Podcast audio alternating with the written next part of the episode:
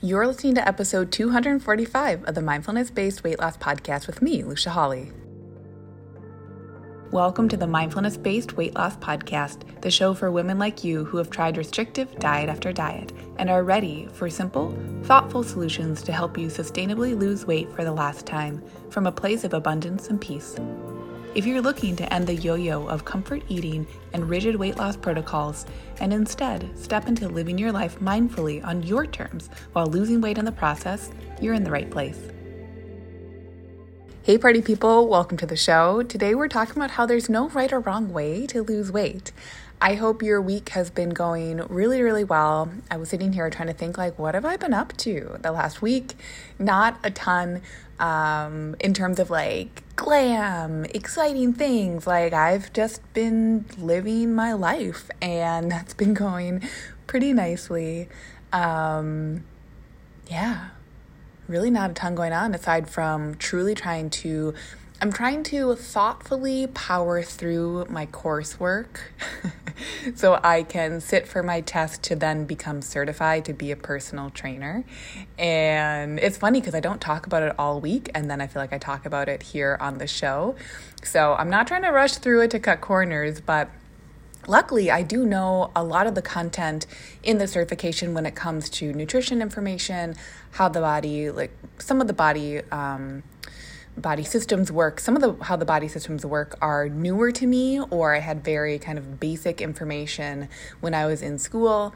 So it's been both fun to learn a lot of new stuff and then also to have some of it be review so moving at a clip that's nice so i've been head down doing that work um, and that means and now i can't remember if i shared this on the show but that means that I have been really shifting how I'll be working with clients moving forward, and I'm super excited to serve you all in this way. As I've mentioned on previous recent episodes, going to Florida really helped me reconnect with my big why of why I'm here talking about health and wellness, why I show up to it, why I show share my story, why I I just feel this call to, like, no matter what, help people feel good. And feeling good is physical, feeling good is emotional, feeling good is spiritual. It's a combination of all three. And this is kind of a fitting intro for this episode where I've titled it, There's No Right or Wrong Way. Um, when it comes to, and I was starting to write a, a post about this on Facebook and then I actually deleted this part of the post because the post went a different different direction. Which, if you write, you've probably experienced that before, where you start to say one thing and then this other thing comes out of it, and you're like, oh, the intention of this post was to write that thing, and that wasn't what I expected, but we roll with it.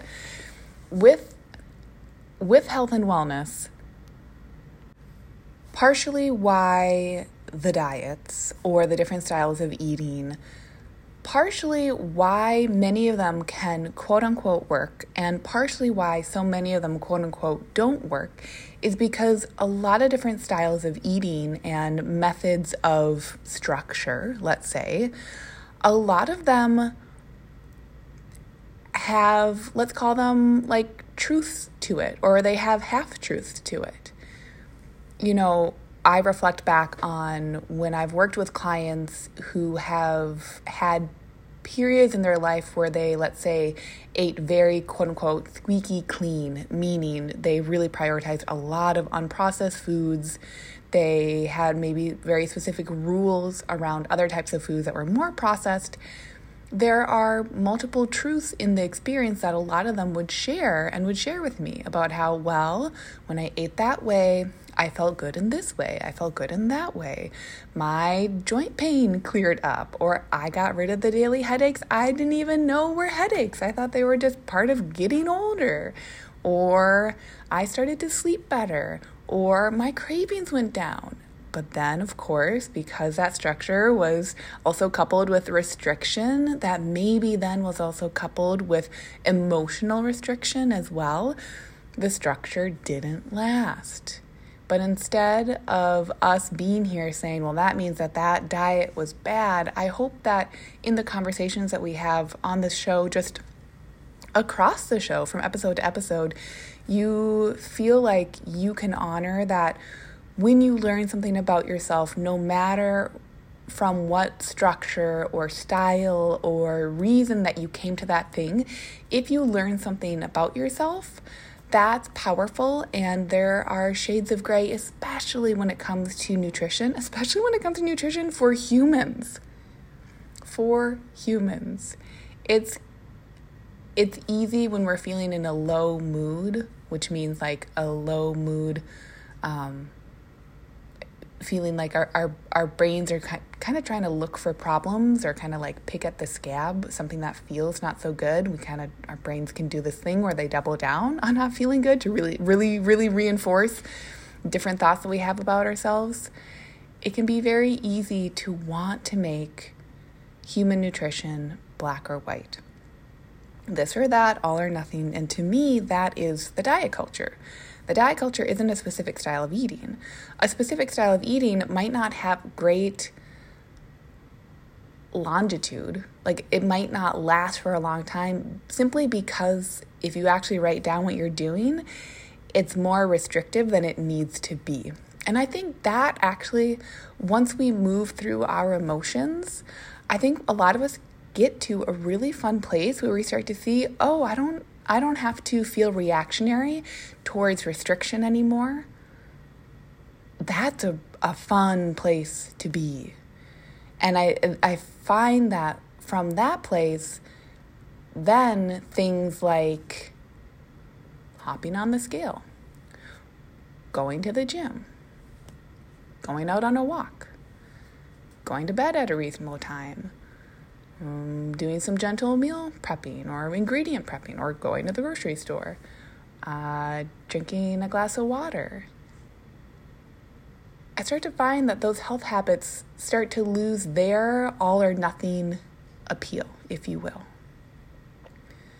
When we start to show our brains simply through awareness, which is an emotional practice, awareness of what we're doing and why we're doing it without feeling the pressure to, to change, that's, I think, what allows our brains to finally let go of that need or desire for a restriction.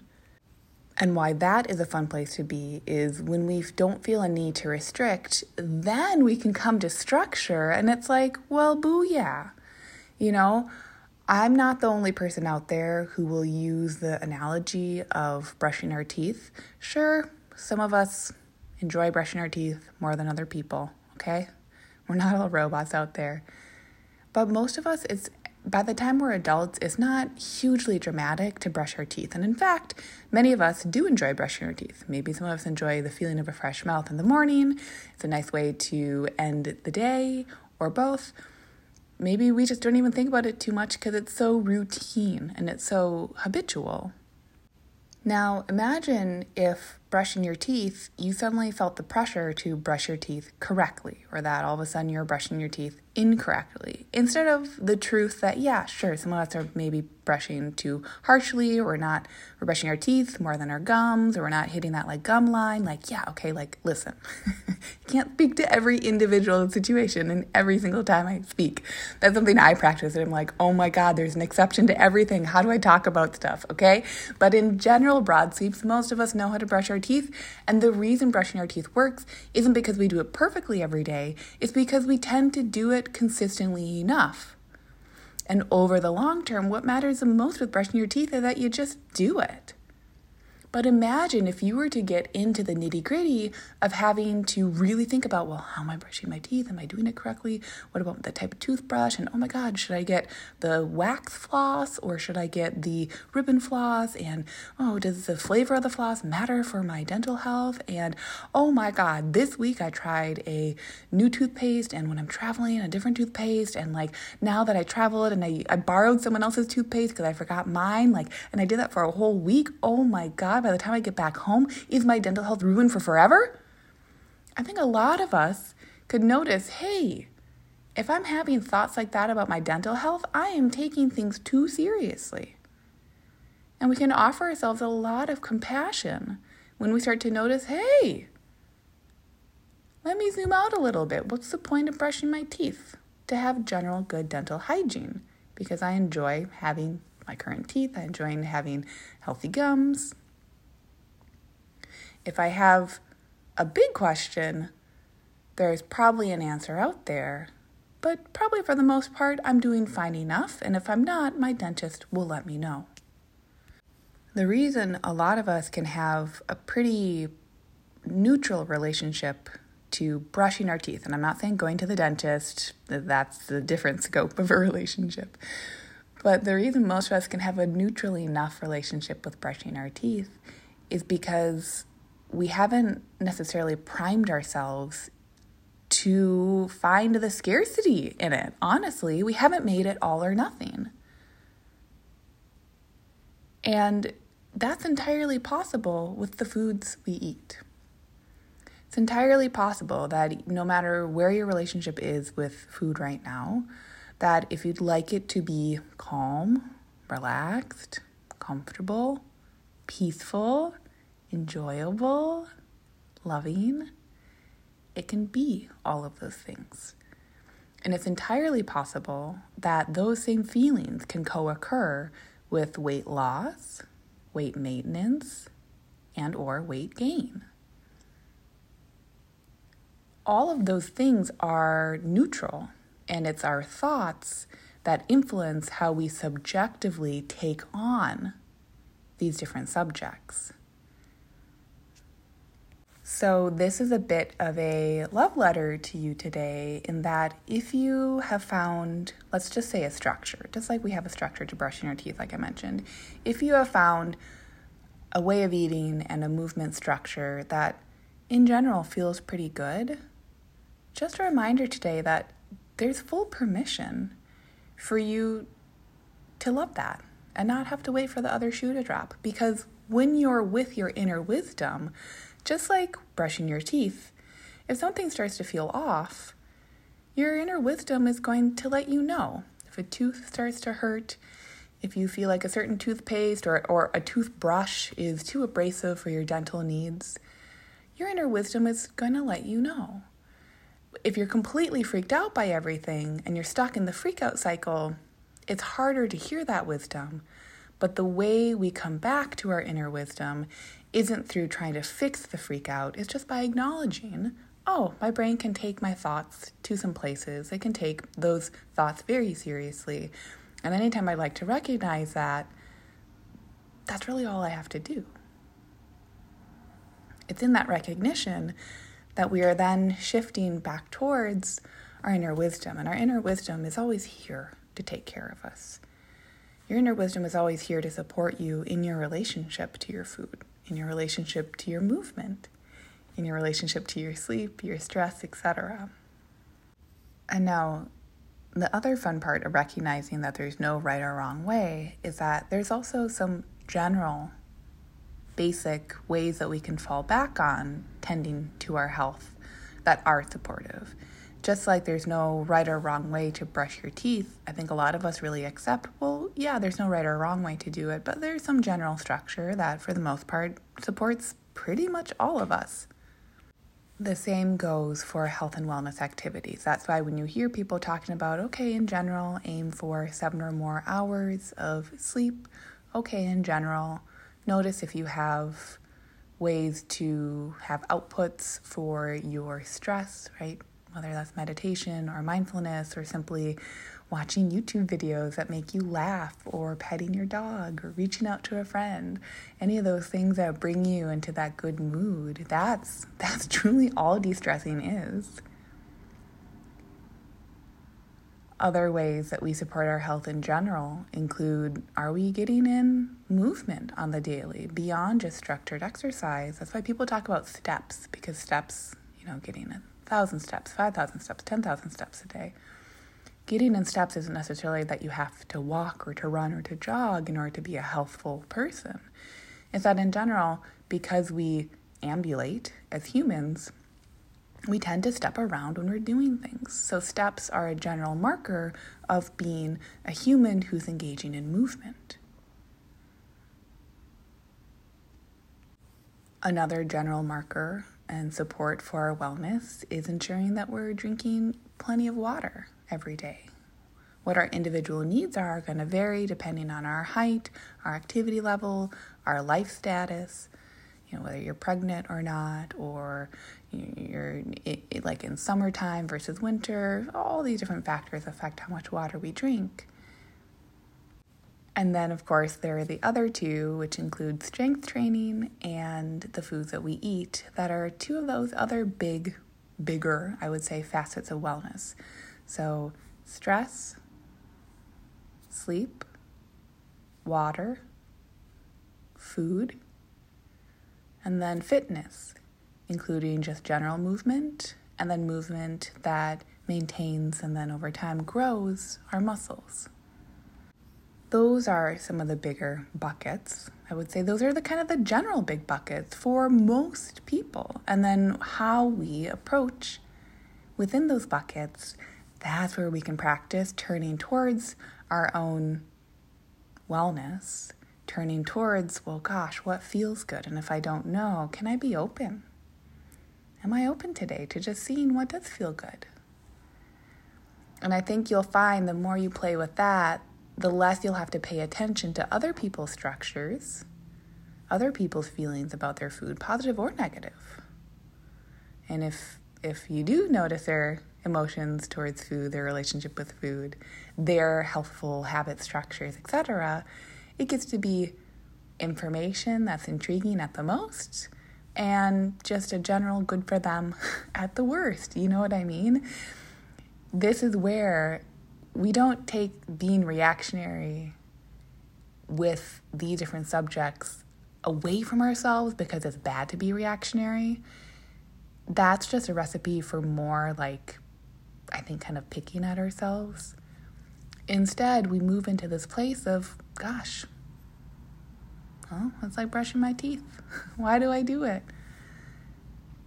Okay, I have some sort of a value around my relationship to my dental health. Interesting. And then I show up to that with these consistent daily habits. Some days I'll probably do it more. Some days I might do it less. Most days it kind of shakes out to be pretty consistent. Some days I'll enjoy it and actually be like, yeah, I want to brush my teeth. And other days, oh, I would maybe just rather go to bed or start my day, but I do do it. And it's not much of a fight because it's just what I do and who I am that relationship I think most of us already have, whether it's brushing your teeth or some some other little habit that we have in our days. It doesn't have to be brushing the teeth. Most of us already have a relationship that is reflective and habitual and we just show up to it because we do and that's who we are. And I guess what I want to say in today's episode is that we all this is an assumption, but like I just see it play out so often that I'm going to go out on that limb and make this assumption, okay? we have this, we all have somewhere in our lives that we have that relationship to something habitual. And so by proxy of us already having that, that means we've already practiced that. That means it's already available to us in any of these other areas where it's easier to slip into scarcity or overwhelm or feeling like not enough. Okay, so this is that love letter to you today that there's no wrong or right way. There's some general structure, and how we come to that structure gets to be via turning towards the goodness. And we turn toward the goodness from our inner wisdom, not by trying to problem solve or fix ourselves. So I hope today's episode has found you so well anytime you'd like to share with me your thoughts about the podcast, I'm always available, especially Instagram DM seems to be the easiest place to connect. So I'm always here to read your messages or to chat and say hi, answer questions that you have. So I hope you are having the most lovely week. Thank you so much, so, so much for being here. And I will see you on next week's episode. Bye. Hey, if you love today's show, I'd love for you to take a minute and give a rating with a review. If you too are ready for more women to make life choices from loving mindfulness, that means we need more women listening to this message so they know it's available to them and they can do it too. And if you're ready yourself, come coach with me, where we'll work together and you'll learn how to take this process to the next level in your wellness goals, life desires, and beyond. Go to luciahawley.com, that's L U C I A H A W L E Y.com to connect.